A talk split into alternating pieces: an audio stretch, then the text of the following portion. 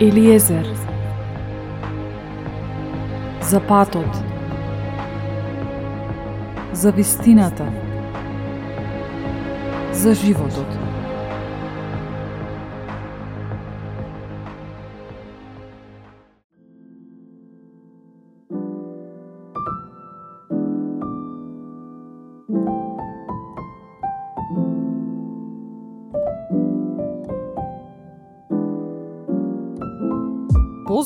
Почитувани слушатели!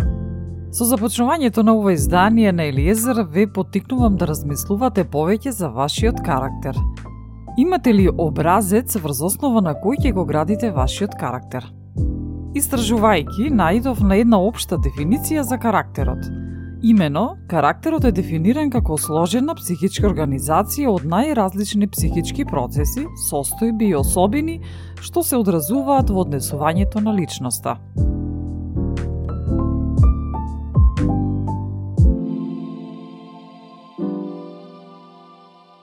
Небесниот татко ни вградил карактер, не создаде според неговата слика.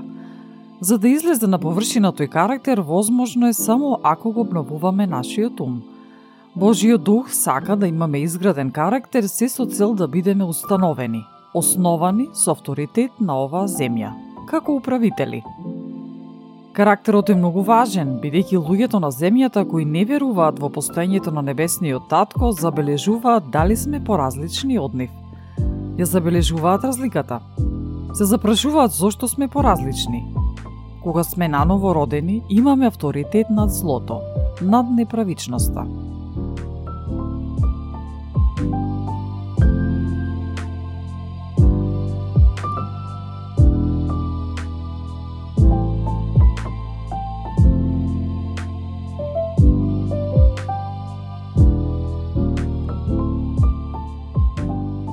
Бидејќи сме направени според Божијата слика, значи го имаме Божиот карактер. Во овој живот, како најголем непријател, го имаме јаволот, кој не сака да знаеме кои сме ние како деца на небесниот татко. Каков е неговиот карактер. Во Царството Небесно се е востановено врз основа на авторитет. Исус Христос го откри карактерот на небесниот татко – Се што правеше Исус на земјата го правеше затоа што небесниот татко му кажуваше да го направи токму тоа.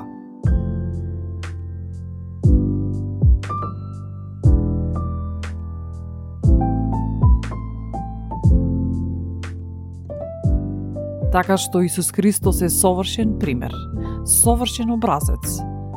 Еден ден, разговарајќи, еден од учениците, Филип, го замоли да му го покаже небесниот татко – Исус му рече, Јас сум патот и вистината и животот. Никој не доаѓа при татко ми освен преку мене. Ако ме бевте познавале, ќе го познававте и мојот татко, а од сега го познавате и сте го виделе.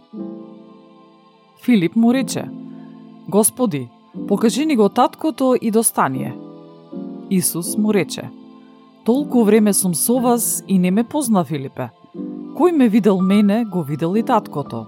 Тогаш, како велиш ти, покажи ни го таткото. Не веруваш ли дека јас сум во таткото и дека таткото е во мене? Зборовите што ви ги кажувам, не ги зборувам од себе. Таткото, кој е во мене, тој ги прави делата. Верувајте ми дека јас сум во таткото и таткото во мене. Ако пак не, верувајте заради самите дела. Вистина, вистина ви велам. Кој верува во мене, делата што ги правам јас, ќе ги прави тој ќе прави и поголеми од овие, зашто јас одам при мојот татко. И што и да побарате во моje име, ќе направам за да се прослави таткото во синот.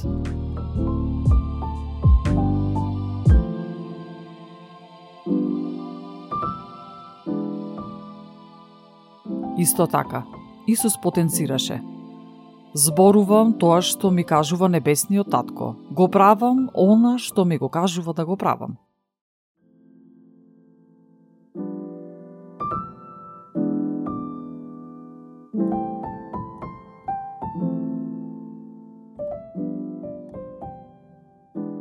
Во овој живот. Карактерот што го имаме треба да го представува карактерот на небесниот татко. Изгледа невозможно, но во второ послание на Петар прва глава стои Неговата божествена сила ни подари се што ни е потребно за живот и побожност, преку познавањето на оној кој не повика преку својата собствена слава и добродетел, со што ни се подарени скапоцени најголеми ветувања, Да та преку нив да станете учесници во Божијата природа. Откако избегавте на расипаноста, која е во светот, преку страстието кое владее во светот. Заради тоа, вложете ја сета ревност и исполнете ја својата вера со добродетел, а добродетелта со знаење – а знаењето со воздржливост, а воздржливоста со трпение, а трпението со побожност, а побожноста со братолюбие, а братолюбието со љубов. Зашто ако го имате сето тоа и тоа се умножува, не ве прави мрзливи и бесплодни во познавањето на нашиот Господ Исус Христос. Но оној кој го нема тоа, слепе и кусоглед, зашто заборавил дека е очистен од своите стари гревови – Имено, ако го правите тоа, никогаш нема да се сопнете.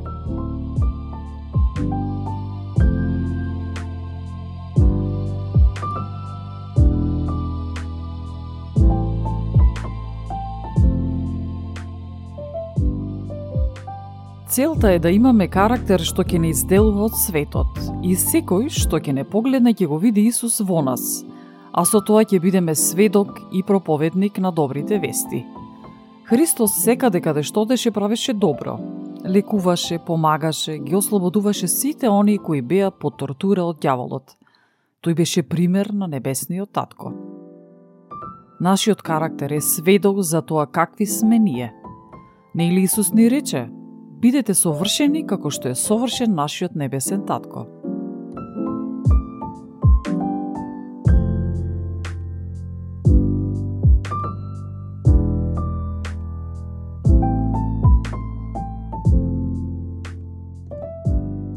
Секој од нас секојдневно на некаков начин вложува во својот карактер. Колку ние наликуваме на небесниот татко, се доближуваме или се оддалечуваме од него. Колку се доближуваме до нашата судбина со нашиот карактер. Во посланието Римјаните 8 глава пишува А оние кои се по телото мислат за телото, додека оние по духот мислат за нештата на духот бидејќи мудрувањето на телото е смрт, а мудрувањето на духот – живот и мир. Зашто мудрувањето на телото е непријателство против Бога, бидејќи не му се покорува на Божиот закон, ниту пак може. Оние кои се во телото не можат да му угодат на Бога. Но вие не сте во телото, туку во духот, ако Божиот дух на вистина живее во вас. Но ако некој го нема Христовиот дух, не е негов. Врз основа на ова доаѓаме до заклучок дека не смееме да правиме се и се што. Не смееме да правиме погрешни работи. Зошто? Затоа што погрешните постапки ќе не тргнат од вистинската патека. Секој од нас треба да ја знае Божијата волја за себе. Во спротивно, како би знаеле дали сме на вистинската патека? Во Евангелие според Лука 12.32 пишува Не плаши се мало стадо, зашто вашиот татко благоволи да ви го даде царството.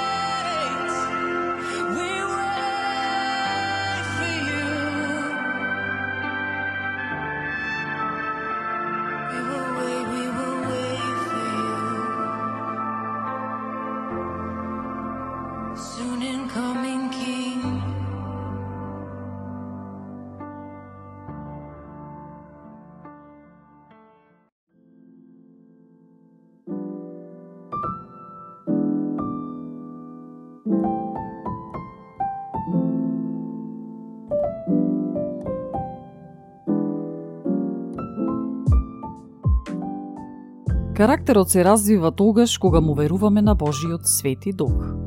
Тогаш кога знаеме вистината. Штом знаеме кој ја кажува вистината, а кој лаже.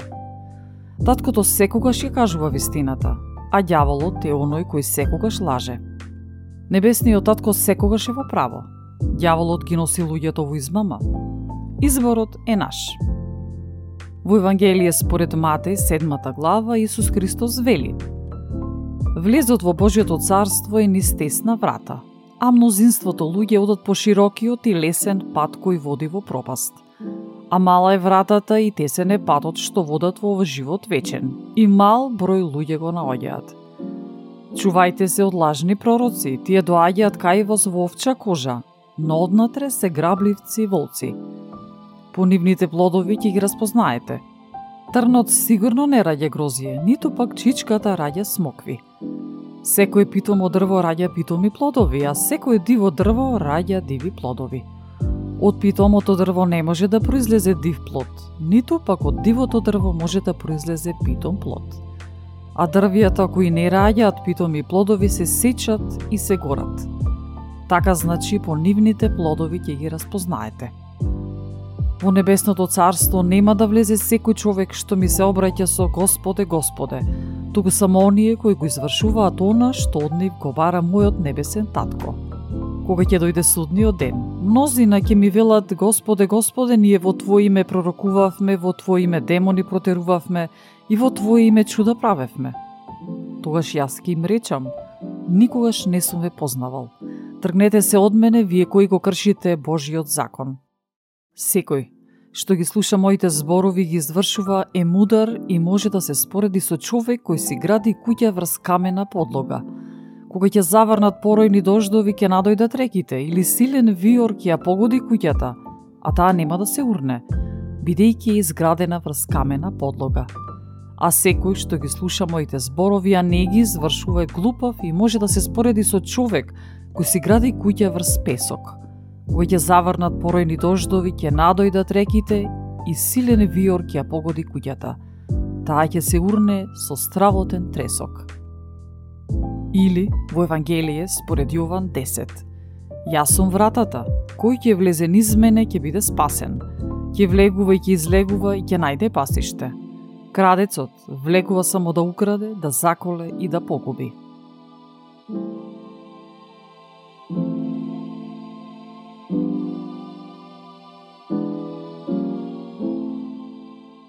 Штом ја да дознаеме вистината, продолжуваме во тој правец. Му дозволуваме на светиот дух да не поучува, да не оформува, да не дефинира според апсолутната вистина. Штом сме се ослободили од лагата и илузиите, тогаш стануваме представници на Царството Небесно секаде каде што одиме, преку се што правиме. Во послание до римјаните, петтата глава јасно укажано е како се гради карактерот. Имено, трпението раѓа искуство, односно карактер, а искуството надеж. Надежта пак не разочарува, зашто Божијата љубов е излеана во нашите срца преку Светиот Дух кој ни е даден. Градењето карактери како знак кој што е ставен за луѓето да го видат и потоа забележуваат дека сме поразлични. Не поразлични во смисла на чудни, туку поразлични во смисла на правични. Во прво послание до Коринтијаните 15.33 пишува Не лажете се, лошите зборови ги расипуваат добрите навики. Доколку времето го поминуваме со поединци кои имаат лош карактер, тоа ќе се одразува негативно на нашиот карактер. Под какво влијание сме во моментов? Што влијае на нашите секојдневни одлуки? Исус Христос не укажува во Евангелие според Матеј. Вие сте солта на земјата, но ако солта стане блуткава, со што ќе се осоли? Веќе нема сила за ништо, освен да биде фрлена надвор и луѓето да ја изгазат. А во послание до Филипјаните пишува Бидете исполнети со плодови на правда при Исус Христос, за слава и пофалба на Бога. Медитирајќи на Божиот збор, трансформирајќи се преку обновувањето на умот и дозволувајќи му на силата на духот да не менува секој ден, е патот кон градење карактер. Треба да бидеме водени од Светиот Дух. Да не правиме ништо од страв, туку од љубов.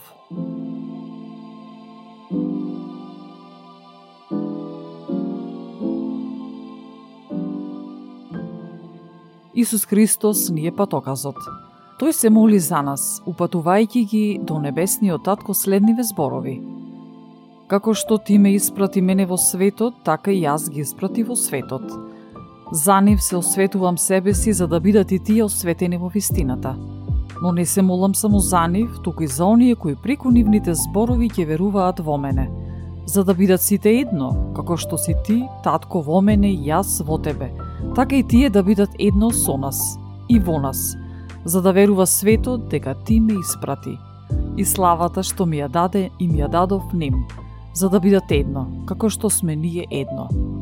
Јас во нив, а ти во мене, за да бидат совршени во едно, за да знае светот дека ти си ме испратил, дека ги љубеше нив како што ме љубеше мене. Татко, сакам оние кои си ми ги дал да бидат со мене таму каде што сум јас, за да ја гледат мојата слава што ми ја даде, зашто ме љубеше пред создавањето на светот. Праведен татко, светот не те позна, а јас те запознав, и овие познаа дека ти си ме пратил. Им го објавив Твоето име и ќе го објавувам, па љубовта со која ме возлюби да биде во нив и јас во нив.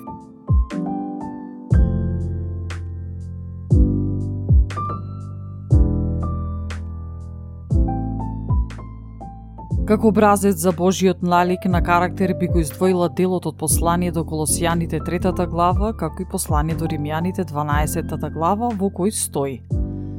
Ако сте воскреснале заедно со Христос, барајте го на што е горе, каде што Христос седи одесно на Бога. Мислете за небесното, а не за земното. Затоа, умртвете ги своите земни членови, односно пороците – блудството, нечистотата, сласта, лошата желба, лакомството, кое е идолопоклонство. А сега и вие, отфрлете се од себе, гневот, лутината, злобата, хулењето, срамните зборови од својата уста. Не лажете се еден со друг, откако веќе го соблековте стариот човек со неговите дела. И се облековте во новиот, кој се обновува во познанието, според образецот на својот Создател.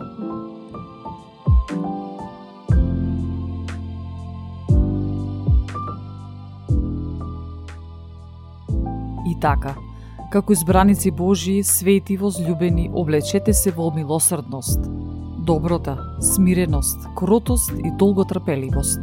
Трпете се еден со друг и простувајте си. Ако некој има поплака на некого, како што Христос ви прости, така и вие направете. А над сето тоа, облечете се во љубов, која е врска на совршенството, и мир Божи да владее во срцата ваши, зашто сте повикани во едно тело и бидете благодарни. Словото Христово изобилно нека се всели во вас, во секоја мудрост, да се учите и да се советувате еден друг со псалми и химни и со духовни песни, пеејќи му на Господа со благодарност во срцата ваши. И се што вршите со збор или со дело, вршете го во името на Господ Исус Христос, благодарејќи му преку него на Бога и Отецот. И се што правите, правете го од душата како за Господа, а не за луѓе. Знаејќи дека како награда ќе добиете од Господа наследство, бидејќи на Господ Христос му служите. Ако и врши неправда, ќе добие според неправдата своја и нема да се гледа кој е кој. Затоа ве молам, браќа, заради Божијата милост, да ги принесете вашите тела во жива, света и угодна жртва на Бога. Тоа да биде ваша разумна служба. Немојте да се прилагодувате со овој свет, туку преобразувајте се преку обновувањето на вашиот ум, за да можете да дознаете која е добрата, угодна и совршена Божија волја. Секој еден помеѓу вас, да не мисли за себе повеќе отколку што треба да мисли – туку мислите нека ви бидат насочени кон разумно размислување, според мерата на верата која Бог му ја доделил секому. Љубовта нека ви биде нелицемерна. Отстранувајте се од злото, прилепувајте се кон доброто. Не оставајте да ве победи злото, туку победете го злото со добро.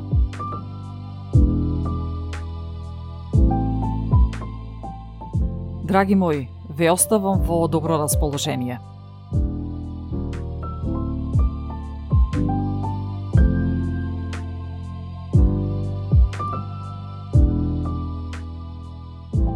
Ја следевте емисијата Елиезер со Елена Ѓурѓевска Костадиновиќ, под покровителство на и во соработка со Господ Исус Христос и Светиот Дух.